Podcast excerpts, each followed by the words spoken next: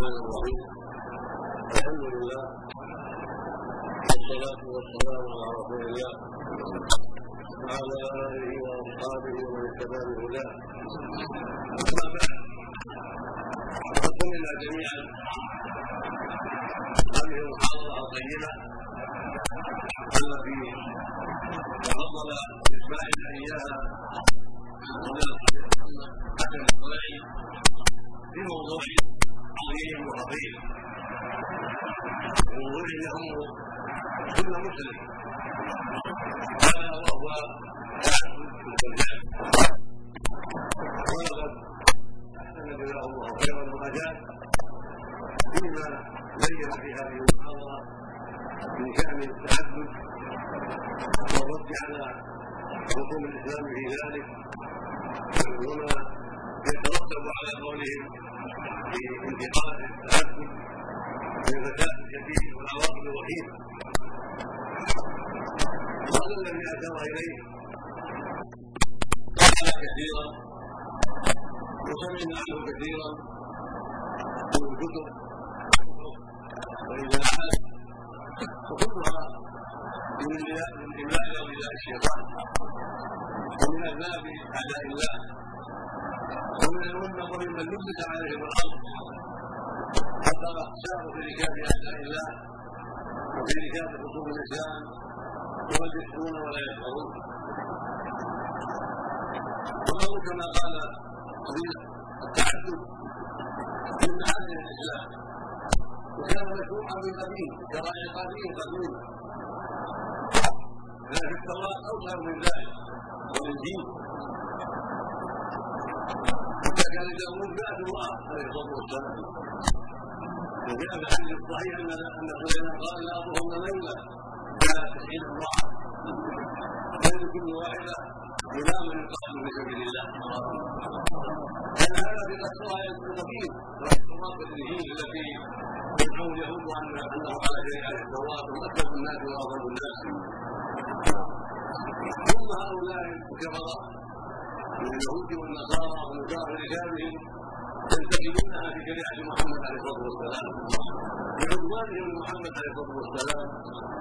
ولتحريفهم كلمة مواضعه ولتكاتفهم ضد الإسلام. ونبي الإسلام. وشريعة الإسلام. ويأتي في ركابهم من ينسب إلى المعلوميه وإلى غير المعلوميه من الجهله ومن الملاحده والشيوعيين وغيرهم من قد يدعي الاسلام وهو كذاب اما ما شرعه الله من التعدد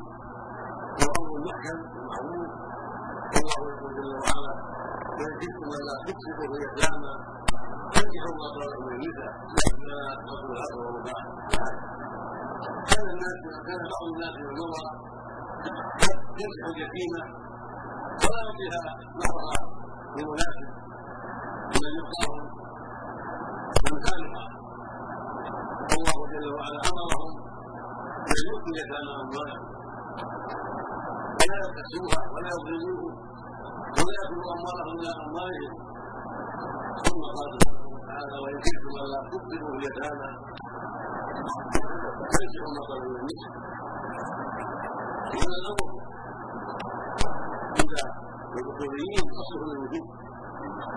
اصل الاوامر هو الوجوب ولا يصار إلى الناس الا بدليل تصرفه عن الوجوب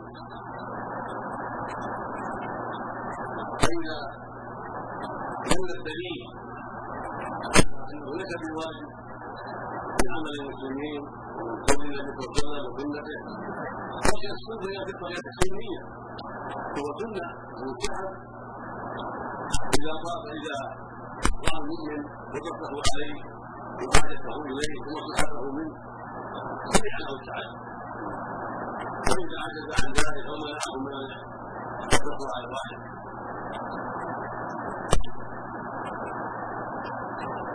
والتعدد وين اتاه النساء أو جاء أكثر من النساء وليس العبره في اتباعهن وقراءتهن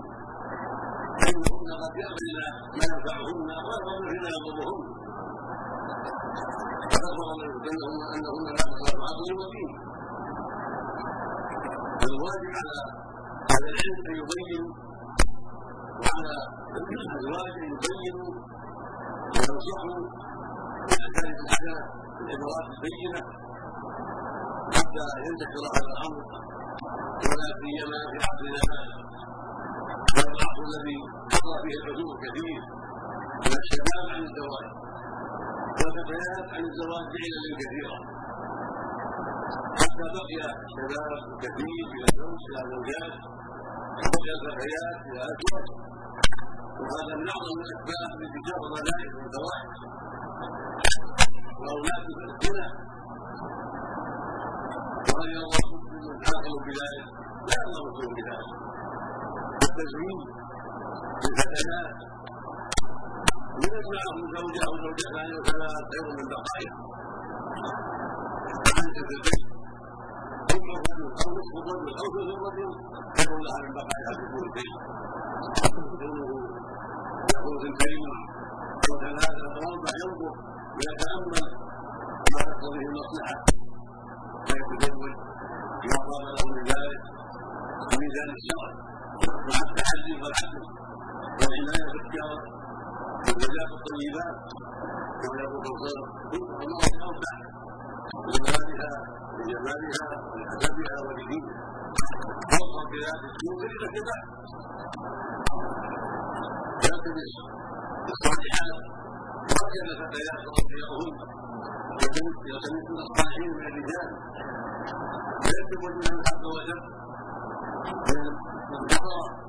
من تارك الصلوات من اصحاب القبور والتكفيرين الذين يمرون زوجاتهم ولا ينفعونهم ينبغي للمراه واوليائها ان يكون همهم انه فلان فلان؟ أو أنه مصيبة؟ أو أنه تاجر أو أنه عند زوجة؟ ليس هذا هو الميزان الميزان أن يختار الرجل الصالح. حتى ولو كان فقيرا سوف يغنيه له الفضل كما قال عز وجل وأنتم ولا يغنيكم والصالحين من عبادكم وإيمانكم. إن يكونوا فقراء يغنيهم الله الفضل هذه الصحيح ثلاثة حكم الله عونهم ذكر انه متزوج يريد العذاب ومتزوج العذاب ولو استدان ولو افترض ولو اشترى شيئا إلى أجل ثم باع وتزوج سوف يعينه الله وسوف يفتح كما قال صلى الله عليه وسلم من اخذ اموال الناس يريد اداءها الله عنه ثم قال من اخذها يريد ادبه الله رواه البخاري وصحيح الواجب على الشباب ان يتزوج ولا يتعلم بالدراسه أو بهذه الدراسه أو بانه موظف أو بانه بحاجه إلى ايجاد كذا وايجاد كذا وايجاد كذا علل باطله تحول بينه وبين الزواج ويبقى في معامله النساء مغالاة النساء الا ما رحم الله وهكذا الفتاه تحتج بالدراسه أو بالتدريس أو بكذا أو كذا ثم تقع في مشاكل الملائكه والعود وهلا والظروف عدا وصفحة والواجب على الجميع التعاون على العون بالبر والتقوى